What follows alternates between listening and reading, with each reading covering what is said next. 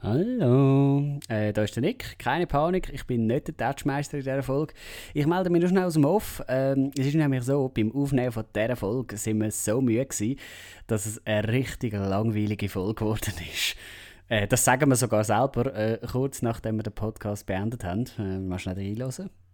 Oh man, das ist eine richtig langweilige Folge geworden. Oje, oje, Ja, und ich habe aus dieser 45-minütigen Folge habe ich dann jetzt eine 25-minütige geschnitten, in der Hoffnung, dass es ein bisschen spannender wird. Ja, ich glaube, es ist mir einigermaßen gelungen, aber eben du. äh, Es ist jetzt nicht das Beste, was wir je abgeliefert haben, aber äh, kann man sich mal gönnen, gell? Viel Spaß!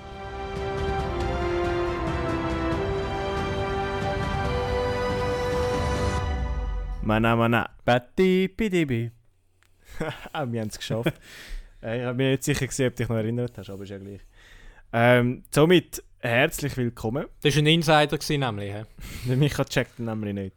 Vor etlichen Wochen haben der Jan und ich gedacht, wir könnten mal so starten, wenn der, wenn der Jan Touchmeister ist. Oder du. Oder ich. Und äh, ja, ich bin jetzt unvorbereitet, gewesen, aber es hat ja geklappt. Gut. Ich fange dann auch mal anders an, einfach, dass ihr es wisst. Wir sind parat für alles. Ähm, ja, willkommen zu der 16. Folge von Limoncello. Von unserem, von unserem. Podcast. Äh, liebe Nick, liebe Micha. Äh, wie bei jedem Podcast fange ich mit der langweiligen Frage an, wie es euch eigentlich geht. Äh, mir geht super. Ich muss sagen, ich habe heute geschafft und ähm, alles super gelaufen. Ich kann mich nicht beschweren. Und danach bin ich noch ähm, in äh, Hornbach gegangen und habe mir Balkonplättchen geholt, weil ich einen Tag zuvor zu wenig geholt habe. Und das Mal habe ich zu viel, weil ich wieder mal, also weil ich zum erneuten Mal nicht abgemessen habe, wie viel Plättchen ich brauche. Weil ich halt gedacht, ich fahre lieber ein paar Mal mehr hin und her, als dass ich äh, da mein Mathe auspacke. Mathe müsst ihr mehr können. die Plättchen zusammenrechnen. Ja, gut. Nick, bei dir so? Ja, ähm, an und für sich geht es mir, äh, geht's mir heute sehr gut. Es ist ein schöner sonniger Tag. Oder? Äh, ich war noch ein bisschen in Zürich mit einem Kollegen. Schön. Äh, ich bin im Moment auf, auf einem Uhrenentzug. Also ich trage ja immer eine Uhr. Und ähm, obwohl mich eigentlich die Zeit gar nicht so richtig interessiert, habe ich mir das angewöhnt, dass ich irgendwie all, all 10, 15 Minuten schaue ich automatisch auf die Uhr. Und jetzt habe ich sie gestern äh, irgendwo in der Wohnung äh, hingelegt und ich finde sie nicht mehr. Und jetzt äh, habe ich heute den ganzen Tag, so alle 10, 20 Minuten, äh, auf mein Handgelenk geschaut und dort war halt keine Uhr. Gewesen. Äh, mich schon ein bisschen nervös gemacht. Aber, aber sonst geht es mir gut. Und das alles ist. Äh, ja. äh, ich habe mir gedacht, ich erzähle einfach etwas, was ich jetzt über. Also ich erzähle äh, etwas, was ich jetzt über Monate ein hinweggezogen hat. Etwas, was vor vier, fünf Monaten seinen Anfang genommen hat und heute seinen krönenden Abschluss gefunden hat. Aber anstatt dass ich euch das einfach erzähle, habe ich euch drei Begriffe und mich nimmt Wunder, was ihr euch da für eine Geschichte daraus zusammenküchelt. Oh, Ah, das ist ein Spiel. Ein Spiel habe ich euch Jetzt vorbereitet. bin ich also gespannt. Crazy! Kommen wir da raus? Du, bi- du bist der Spielekönig in der Runde. Ja, klar. Äh, kommen wir da raus mit den Regeln? Muss ich es nochmal erklären auf andere, auf andere Sprache? Du, gut? wir fangen mal an. Wir leben uns drin. Also, die drei Begriffe, die ihr euch daran könnt orientieren könnt, sind Kette, Garage und Spende. Kettengarage spenden. Und wir müssen jetzt da eine Geschichte zusammenschustern. Ja, eben, wie gesagt, es hat vor etwa vier, fünf Minuten seinen Anfang genommen und ist heute zu seinem Abschluss gekommen. Ich habe die Wörter Endlich. schon wieder vergessen. Was ist es? Kette und Kettenspende. Garage. Ah, klar, Garage. natürlich. Du bist, äh, du bist immer Velo gefahren und jetzt hast du aber Töffli-Prüfung gemacht und kannst Töffli fahren. Und darum hast du das Velo gespendet. Genau. Hä? und Kette Vater. und Garage haben vernachlässigt, oder was? Ja, das Töffli steht in der Garage. Ja, ich sage es anders. Du ähm, hast dringend Geld gebraucht und darum hast, bist du go Blut spenden. Ähm, du hast es nicht äh, aus noblen Gründen gemacht, weil andere Leute vom Blut könnten profitieren, sondern einfach nur, weil du Geld gebraucht hast. Und ähm, es ist ein gutes und leichtes Geld gewesen, was du dort hast können machen. Aber äh, die Sache hat nämlich einen Haken gewesen. Und zwar ist das in einer uralten Garage gewesen, das Blutspenden. Und die haben dir einfach mal den Arm mit einer Kette aufgerissen, dass das Blut rauskommt. Weil, äh, ja. Habe ich recht oder stimmt's? Äh, nee, es, es wäre noch cool, wenn ich da könnte sagen hättest recht, weil es wäre noch spektakulärer als das, was es eigentlich ist. Also eigentlich ist es gar nicht so spektakulär. Ähm, ich habe im Januar oder Februar, weiß eben nicht mehr genau, wann es war, ähm, habe ich am Bahnhof müssen mit dem Velo und äh, meine Kette hat es auf dem Weg zum Bahnhof verjagt und dann habe ich das Velo am Bahnhof stoßen, dort abschliessen und bin dann natürlich zu spät gekommen. Habe nachher daheim das Velo in die Garage gehängt und mich dann ein paar Minuten lang nicht informiert, wo ich das kann entsorgen lassen oder halt abgeben. Und haben es dann spenden halt. Und es gibt Ein da... kaputtes Velo. Ja, es gibt... es gibt... Und jetzt der Plot-Twist. Es kann, Du hast es nicht können spenden, weil es niemand wollen hat und dann hast du es im See gerührt. Nein, es gibt die, die Organisation Vel Afrika. Die nimmt Velos in jedem Zustand eigentlich an. Denken sich so, ja, die, die in Afrika sind ja froh um alles, oder? Ja, aber wirklich. halt. Ja, also ein kaputtes Velo können jetzt auch die nicht brauchen. Mal, was ich habe das ja gratis über. Ja, da- wegen dem ist es gleich kaputt. Ja, wegen dem kann man es gleich reparieren. Ja. Jetzt müssen die die Entsorgungskosten tragen und äh, können sich wegen dem nichts essen kaufen. Die haben so tonnenweise an Velos dort und denken sich, ja, Jungs, hör mal auf Velos schicken. naja, auf jeden Fall, Also, ja. wo ich das dann habe, Pulli wäre mir lieber. Wo ich das habe spenden, ist dann schon Corona-Pandemie und die haben halt den Transport nach Afrika dort nicht gemacht. Und dann habe ich halt, du musst im Internet kannst du so einen, musst du irgendwie so einen Kleber bestellen und dann kannst du das halt an so einer Sammelstelle abgeben. Ähm, dann habe ich den bestellt und dann ist der nicht gekommen und als ich angerufen habe, haben die gesagt, ja, sie wissen auch nicht, sie schicken mir nochmal einen, ist wieder gekommen. Und dann ist das Ganze halt ein bisschen vergessen gegangen, bis vor zwei, drei Wochen. Und dann habe ich dann äh, angerufen und gefragt, ja, ich habe immer noch nichts, jetzt hätte ich eigentlich wieder Zeit, um, um mich dem widmen, um das endlich mal vorbeibringen. Dann haben sie mir einen Gutschein geschickt, um es an einer SBB Gepäck, am Gepäckschalter abzugeben, dass sie es können schicken können. Und das hat mich dann angeschissen, weil die vom SBB dort immer Dümme bei, bei den Gepäckschaltern. Die sind halt kompliziert, Bürozeugs, was auch immer. Dann habe ich gestern nochmal angerufen und sie, dann haben sie, haben sie gesagt, ja, äh, bei, der, bei der Sammelstelle bei Nimot können sie es einfach vorbeibringen. Müssen sie nichts bestellen, aber müssen sie einfach dort äh, vorbeibringen, sagen, das ist für Afrika, Punkt, fertig. Und jetzt hast du es einfach auf die Mülldeponie gebracht. der, der Jan hat wahrscheinlich gesagt, Geld sie, das bringen sie äh, nach Afrika. Und der, der Schrottplatzmeister hat einfach gesagt, ja, ja, und hat sie in die Müllkippe gerührt. Naja, genau, das wäre so auf jeden Fall das. wo Soll ich dir auch äh, so eine Geschichte geben? Ich, ich, ich habe auch drei Wörter für euch. also, das, erste Wort ist Kegifrit. Das zweite Migro. Und das dritte Klauen. Jetzt könnt ihr euch da die Geschichte zusammenschustern. Du bist in Migro ein KG-Fett klauen. Also Micha, was sagst du? Ja, der Jan hat es jetzt gerade gesagt, oder? Ja, ist aber leider falsch. Was hast du gesagt, Jan? Ah, ich möchte gerne meine Antwort ändern. du bist, du bist al- als kleiner Bub, bist du, bist du Das war letzte Äh, Woche. an- gewesen. letzte Woche, bist du Ja. an den Kiosk gegangen und hast dort das KG-Fett gekauft. Ähm, das hast du nachher gegessen, aber weil du nicht gewusst hast, wo entsorgen jetzt mit auf der Straße, bist du in die Migros spaziert. Ähm, hast es dort vorgerührt und weil es dort gerade ähm, Spare Ribs in, in, in der Auslage hatte, hast du die geklaut und bist abgehauen. Aha. Nein, nein, nein, nein, anders. Du hast ähm, eingekauft in der Migros und nachher bist du rausgelaufen und hast ins Kegifrit gebissen. Und dann hast du gemerkt, dass du es gar nicht gezahlt hast. Also du hast es aus Versehen geklaut. Nein, nicht ganz. Wir machen es kurz und bündig. Äh, ich bin in der Migros ein Kegifrit geholt. ähm, und hast dann irgendwie, also und noch andere Sachen. Und hast dann irgendwie so ein bisschen doof dort angelegt bei dem Self-Check-Automat, so dass es anstatt einmal am Schluss dreimal eingescannt war. Dann bin ich aus dem Laden rausgelaufen und da haben wir noch gedacht, das war irgendwie ein bisschen teuer gewesen jetzt am Schluss. Äh, und habe auf die Quittung geschaut und eben gesehen, oh, da hat es aber drei Kegifrit. Und was macht der Nick natürlich? Er geht sich nochmal zwei holen. Und dann aber so ich, ja, ich kann ja, also, wenn ich die jetzt einfach nehme und, und an der Kasse vorbeilaufe, dann, dann hält mich eh irgendjemand auf. Du hast ja Quittung. Ja, das äh, ist natürlich so.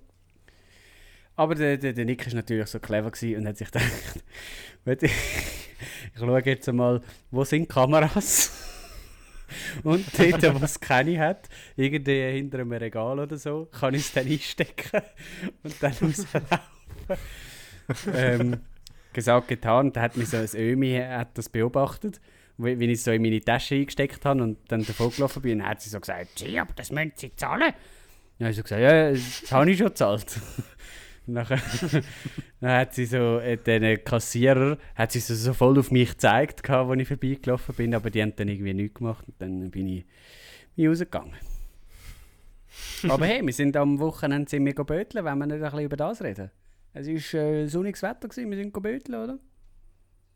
Ja, und die Sache hat eigentlich noch gut angefangen, außer dass wir 20 Minuten zu spät gekommen sind. Oder eine halbe Stunde. Richtig, wir haben mit dem Micha abgemacht. Äh, er war schon dort. Gewesen. Wir sind vom, äh, vom Wallensee zum Obersee. Das ist eine recht coole Strecke, muss man sagen. Äh, Also von Ziegelbrück nach Schmeriken. äh, und der Merlin war auch dabei, gewesen, der, der in der Folge 4 äh, von unserem Podcast auch äh, mit von der Partie war. Mhm.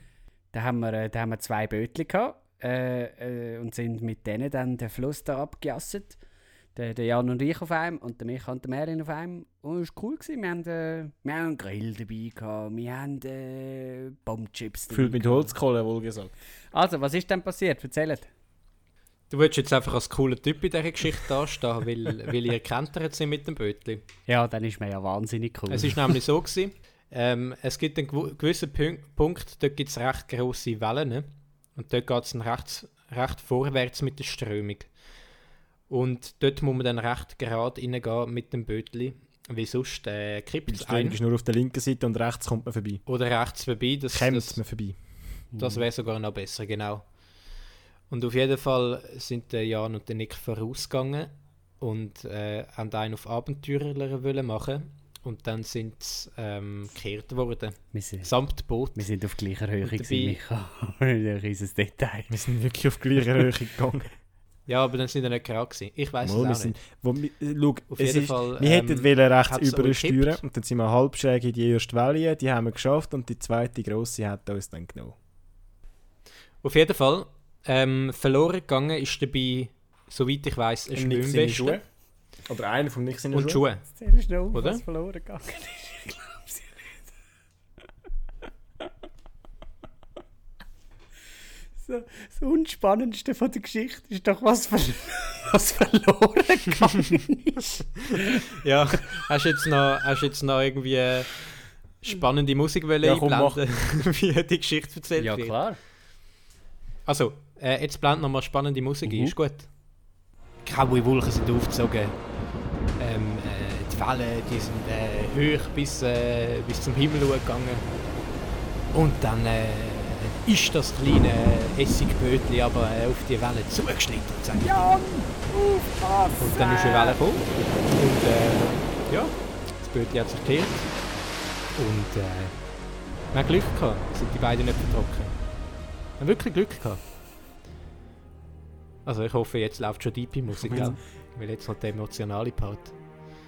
Weil ähm, es ist nicht nur eine Schwimmweste verloren gegangen, sondern auch äh, die Freude. Und zwar für ganze fünf Minuten danach.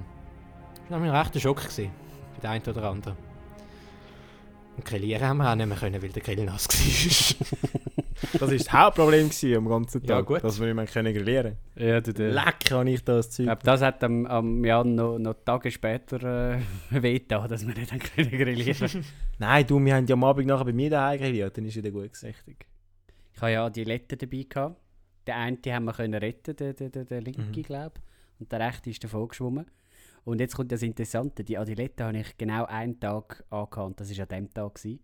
Ich habe neu gekauft, gehabt, weil die alten sind mir kaputt gegangen. Und jetzt, jetzt ratet. Ja, Ich, ja, ich sage es jetzt einfach, es war der rechte, gewesen, nämlich, wo, wo mir kaputt gegangen ist. Und äh, jetzt habe ich einfach zwei linke. Typisch. Aber den, den einen habe ich schon wieder den, den einen habe ich vorgeschmissen, weil ich dachte, ja, einen allein kann ich nicht brauchen. Und der andere allein, den kannst du brauchen. Ja, nein, den muss ich jetzt halt auch wieder wegrühren. Beziehungsweise ich kann ja auf Afrika spenden.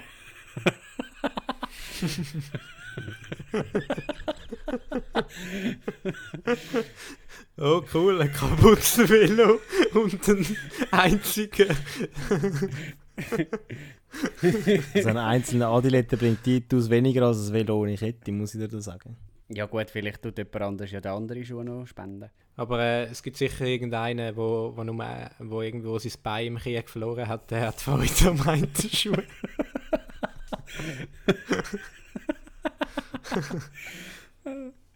Sehr schön. Ja, ähm, ich habe in letzter Zeit, ähm, ich glaube, der Micha hat mich auf das Thema irgendwann einmal aufmerksam gemacht. Ähm, zwar hat der Micha irgendwann mal behauptet, er sei mit einem Brieffreund von irgendwo am Schreiben und dann bin ich voll davon ausgegangen, dass der tatsächlich am Brief schreiben ist und dann hat sich herausgestellt, dass er nur über Instagram am Chatten war. Ähm, und ich habe jetzt... Aha, ja, jetzt habe ich gerade selber müssen überlegen. Ja, das war glaube ich dort, gewesen, bevor wir die Episode ohne den Nick aufgenommen hätten. Irgendwo dann. Oder so. Ja, ich habe mit einem aus, glaube was ist für ein Land gewesen? Gambia oder so? Ich weiß es nicht mehr. Ganz ehrlich. Ja, ich weiß es auch nicht mehr. Und dann habe ich ähm, nach der Prüfungsphase dann, weil ich habe früher Brieffreunde hatte, also zwei, einer vom Spick und eine von der Schule aus, irgendjemand da mit Französisch müssen Brief Einer aus. Deutschland oder was? Nein, nein, schon Ist aus der Friedrich. Friedrich Asanova. Vom Spick ist es ein, ist ein Autor gewesen, ja, der wahrscheinlich. eins haben wir Kind zurückgeschrieben hat. Er denkt, oh, du bist so traurig, dass du musst Brief schreiben Schreibe dir einen zurück. Und leg dir eine extra schöne Briefmarke drauf. Zu. Nein, Entschuldigung. Ja, Jan, was, äh, was ist es? Auf jeden Fall kann man das ja mittlerweile online. Ähm, Brief schreiben? ja, du schreibst einfach, Also E-Mail meinst ja, aber du kannst nicht einfach irgendjemandem einen Brief schreiben per E-Mail. Also schon? Nein, du schreibst halt einfach nur ein E-Mail. Ja, jemanden, den du kennst. Aber das ist ja nur halb Ja, ja. so lustig. Es gibt, ähm, im Mhm. du kannst Briefe online, digital schreiben und dann per Zufall versenden. Und dann kommt der irgendwo auf der Welt an von jemandem, der die Plattform auch nutzt und der liest den und entscheidet dann, ob er dir Antwort will geben oder nicht. Und da entstehen teilweise Diskussionen oder nicht. Und von dort ähm, hat mich eine Frage, wo, oder etwas, wo diskutiert wurde, ist, habe ich jetzt da rausgezogen und möchte die Frage euch gerne stellen, wenn das in Ordnung ist. So, ich melde mich da wieder mal aus dem Off. Äh, das ist jetzt zum Beispiel so ein Moment, äh, wo nachher relativ langweilig geworden ist. Und darum überspringen wir das, weil die Frage haben wir auch in einer anderen Podcast-Folge äh, so ähnlich äh, schon mal beantwortet. Gehabt. Ja. Und ich, ich schaue in letzter Zeit wieder ein bisschen viel Film. Und jetzt hat sich das angefangen einbürgern, dass ich gewisse Filme, also das mache ich eigentlich selten, äh, aber jetzt habe ich glaube zweimal hintereinander äh, einen Film nicht fertig geschaut, den ich richtig langweilig gefunden habe. Und Zwar einmal war das gewesen, äh, A Star is Born, Ah, ich gar nie gesehen. den habe ich richtig langweilig gefunden. Äh, den wollte ich eigentlich nur schauen wegen dem äh, Video von Kevin James, wo er sich selber dort rein gepflanzt hat in den Film. Wo, richtig geil. Und der andere Film, äh, noch viel schlechter, äh, Six Underground heisst der irgendwie. äh, so langweilig. Den habe ich, der- nicht- den habe ich ganz geschaut. Den habe ich nicht mal so schlecht gefunden. Das ist mit dem Ryan Reynolds. Den habe ich beim ersten Mal schauen schon nicht fertig geschaut. Und dort darfst du halt keine Erwartungen haben, wenn du den schaust. Du darfst nicht irgendwie, mit der... Habe ich wirklich keine gehabt. Ich, ich gedacht, das wird noch ein interessanter Streifen, aber so. Äh, die erste halbe Stunde habe ich geschaut, aber dann war es so langweilig. Gewesen. Ich habe schon die äh, erste halbe Stunde nicht gut gefunden. Die ganze Verfolgungsjagd. Ja, ich eben auch. 6 von 10 Sternen. Würdest du ihm geben? Gut, für das müssten zuerst ganz ja, fertig 5 bis schauen. 6. 5 bis 6 von 10. Äh, ich habe in letzter Zeit, apropos, apropos fertig schauen, gemerkt, dass ich recht viel angefangene Serien habe, die ich gar nie fertig geschaut habe. Dass sich, das, das, hat, das hat sich bei mir so ein bisschen eingebürgert, dass ich eine Serie anfange, aber sie dafür nachher irgendwie nicht fertig schaue. Community ist so etwas. Ah, stimmt, Community habe ich auch nie fertig. Ozark habe ich gar nie fertig geschaut. Wie Community schlechter, oder was? Ja, die wird, die wird von Staffel zu Es Staffel. verschwindet halt immer, also von Staffel zu Staffel verschwindet halt irgendwann Hauptdarsteller. Macht halt irgendwann schon ein bisschen etwas aus. Und Mhm. Ozark Von ich. Ozark hast du mal mega geschwärmt. Gehabt. Ja, es ist ja auch in dem Sinn eine recht eine sehr gute Serie. Aber ich bin halt lange nicht dazu gekommen, um irgendwie eine Serie weiterzuschauen und habe anstatt nochmal schauen, was eigentlich passiert ist, äh, lieber eine neue Serie angefangen, weil es halt bequemer ist. Breaking Bad habe ich auch mal angefangen. gehabt. Das hast du auch nie fertig geschaut. Bin nie dazu gekommen, wirklich. Gut, aber das zieht sich auch unglaublich. Ja, es ist äh, am Anfang, die, die erste Staffel ist in der Mitte so recht langatmig, finde ich. Am Mhm. Anfang, wo er sich so ein bisschen als Drogenboss, also Drogenmacher halt, so ein bisschen etabliert, dort finde ich es noch interessant, weil es halt auch darum geht, ihn ein bisschen kennenzulernen und nachher zieht sich so ein bisschen dann, Aber Breaking Bad äh, kann ich empfehlen, bis zum Schluss zu schauen. Ja, Die ja, ist, ich weiss. Äh, wirklich spannend. Mhm. Ich weiß Ja, die hätten sollen anstatt fünf, vielleicht, weiß nicht, zwei oder drei Staffeln machen und dafür halt immer nur die geilsten Folgen und so. Ja, aber sie haben doch irgendwie Also- 20 Folgen pro Staffel, oder nicht? Ja, es, es hat schon seine Berechtigung, weil die Geschichte an und für sich und dann die ganze Entwicklung und so ist mega spannend und es passiert auch mega viel. Ja, ja. Äh, aber eben, es hat immer wieder mal so Durchhänger. Ja. Da kann man es, glaub, gut äh, frisieren. Aber äh, ja, also würde ich jetzt auch sehr empfehlen, die Serie, Mhm. ganz klar. Mhm. So, ich glaube, wir müssen mal wieder ein bisschen wegkommen von dem Nein, nein, ganzen nein, Film. nein. Wir können äh, gerade bei den Film bleiben. Ich hätte nämlich eine Frage dazu. Und zwar, ähm, ich habe die Frage schon mal mit dem Nick besprochen. Jetzt nicht mich wundern, ähm, was der Jan da dazu sagt. Und zwar ist meine Frage, wie schauen die Ihren Film? Und zwar kann ich das sonst von mir schnell sagen. Bei mir ist es so, wenn ich einen Film richtig spannend bin, äh, finde, dann bin ich richtig im Film drin und dann gehe ich richtig mit und dann überlege ich mir nicht noch, oh, ist die Kamerafahrt geil oder wie haben sie jetzt den Shot gemacht, sondern dann bin ich richtig in der Geschichte drin. Und wenn ich einen Film langweilig finde, dann überlege ich mir erst, wie haben sie was gefilmt. Und ich glaube, äh, der Nick hat äh, mir gesagt, er schaut eigentlich immer, wie ist etwas gemacht. Wenn ich einen Film schaue oder eine Serie schaue oder was auch immer, achte ich einfach immer auf die Machart. Genau, also äh, was für Kameraeinstellungen sind gewählt worden äh, oder überhaupt, wie, wie ist das Szenenbild und so weiter. Und das mache ich aber automatisch, also das kann ich gar nicht abstellen. Da, auf das hast du auswählen. Ja, weil eben bei mir ist so, bei mir ist es nur, wenn ein Film langweilig ist oder zum Beispiel auch bei Werbungen, weil Werbungen interessieren einen ja nie wirklich. Dort schaue ich einmal auch, wie ist sie gemacht, äh, was haben sie für Perspektiven äh, gebraucht und, und das ganze Zeug. Aber eben, wenn, wenn mich äh, eine Geschichte richtig fesselt, dann bin ich voll drin. rein. Dann äh, achte ich da gar nicht drauf. Ich finde das auch noch cool. Also, dass ich dann da nicht drauf achte, weil das würde mich wie stören. Ja, es stört eigentlich nicht wirklich. Also ich, ich kann jetzt nur sagen, von, von mir her, ich finde es spannend. Also ich meine, ich achte ja gleich auch auf Geschichte und Geschichte checke ich am Schluss ja gleich auch. Äh, aber ich habe halt noch so im Hinterkopf gewisse Macharten, die ich halt interessant finde. Und zum, meistens ist ja auch ein gewisses Stilmittel erkennbar, wo dann sich durch die ganze Geschichte durchzieht äh, zieht oder sich sogar verändert durch die Geschichte oder durch das, was in der Geschichte passiert. Und so Sachen finde ich mega spannend noch, um so auf einer zweiten Schiene mitzuschauen. Aber wenn du das immer im Hinterkopf hast, dann, dann kommst du ja wie nie richtig in die Szene äh, selber rein. Doch, klar. Also ja schon, aber nur bis zu einem gewissen Teil, weil du hast ja immer im Hinterkopf, oh, die haben das so und so gemacht. Ich meine, ich kann mich bei einem Film gleich mega mitreißen lassen. Zum Beispiel habe ich letztens auch Gone Girl geschaut und Mhm. der richtig in Psycht gehabt. Der ist super. Der ist super. Den muss ich auch wieder mal schauen. Und dort habe ich auch auf die Machart geschaut, gehabt, aber gleichzeitig hat mich der Film richtig mitgerissen. Gehabt. Und ich bin äh, uh, am Schluss, wenn ich den Film fertig hatte, bin so ganz allein in der Wohnung gesessen, es war dunkel. Gewesen. Uh, du. Ja. Ich weiß gar nicht mehr, ich weiß nur noch so brüchig, was am Schluss äh, die Auflösung ist. Ich muss Also. den auch wieder mal schauen.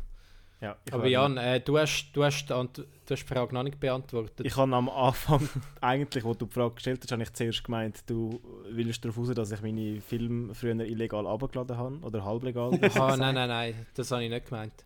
Bei Peaky Blinders ähm, habe ich gestern eine Episode geschaut. Und mein Vater hat da kurz mitgeschaut. Er ist, sobald der erste Tropfen Blut geflossen ist, ist er, ist er vom, vom Bildschirm weg, ist er abgehauen. Kann er kein Blut gesehen? Nein, ich finde es grusig. Also weißt du, ein Tropfen Blut äh, macht ja nichts, aber so jetzt spoilere ich vielleicht, wenn jemandem der Hals aufgeschlitzt wird und Blut rausspritzt, dann ist Ende Gelände.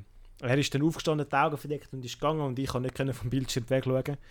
Ähm, weil erstens vom, vom Storytelling so angezogen und er hat dann aber nachher gefunden, filmtechnisch und so, sagt sagt das mega gut gemacht. Er kam einfach bei der Geschichte nicht raus. Ich, ich stelle mir gerade so vor, wie du, nachdem du dann mit der Folge fertig bist, dann an den Stubentisch gehst und er sitzt dort schon und dann redet er nochmal über den Film und dann sagt er, ja weißt du, äh, filmtechnisch habe ich es wirklich auch gut gefunden, Das aber war äh, Morgen. Gewesen. Also gar. Ja, hätte ich beim Morgen nochmal darauf ansprechen Zusammen noch mal ein Gomfi-Brötchen rumgecatcht haben. Eben, Ja. um da die Frage abschließend zu beantworten, ähm, schaue ich eher mit der Geschichte mit, anstatt auf die Machart. Ähm, und auch dort, sobald etwas halt ein Plot-Twist kommt oder so, oder etwas mega Schlechtes, was in die Geschichte passt, dann fällt es mir halt mehr auf und wenn es konstant ist, mehr oder weniger, dann bin ich auch eher jemand, der im Film dabei ist oder halt in der Episode. Und weniger auf einer Meta-Ebene. Gut. Nick, du hast auch noch eine Frage gehabt vorher. Ja, ich äh, wollte fragen, ob wir hören wollen. Was vorher schon? Nein, ich habe ich ha keine Frage gehabt Ah, Die vorher. pa- Frage passt jetzt fast noch besser. Gut, dann hören Also, wir brauchen noch einen Folgetitel. wir. Ja. Über was haben wir geredet? Über Velos Eben und Afrika. Über was haben wir sonst noch geredet? Jetzt mal ernsthaft, jetzt muss ich echt überlegen. Wir haben über Velos geredet. Eben das mit dem Velo, das mit der Kegifrit, dass wir äh, auf dem Boot gsi sind. Titanic. Titanic, wir können sie Ja, nennen wir sie Finde ich Titanic. gut. Gut. Ja. Dann äh, danke fürs, fürs Mitreden und fürs Zuhören. Und äh, bis zum nächsten Mal. Yes. Gesagt. Tschüss zusammen. Ciao.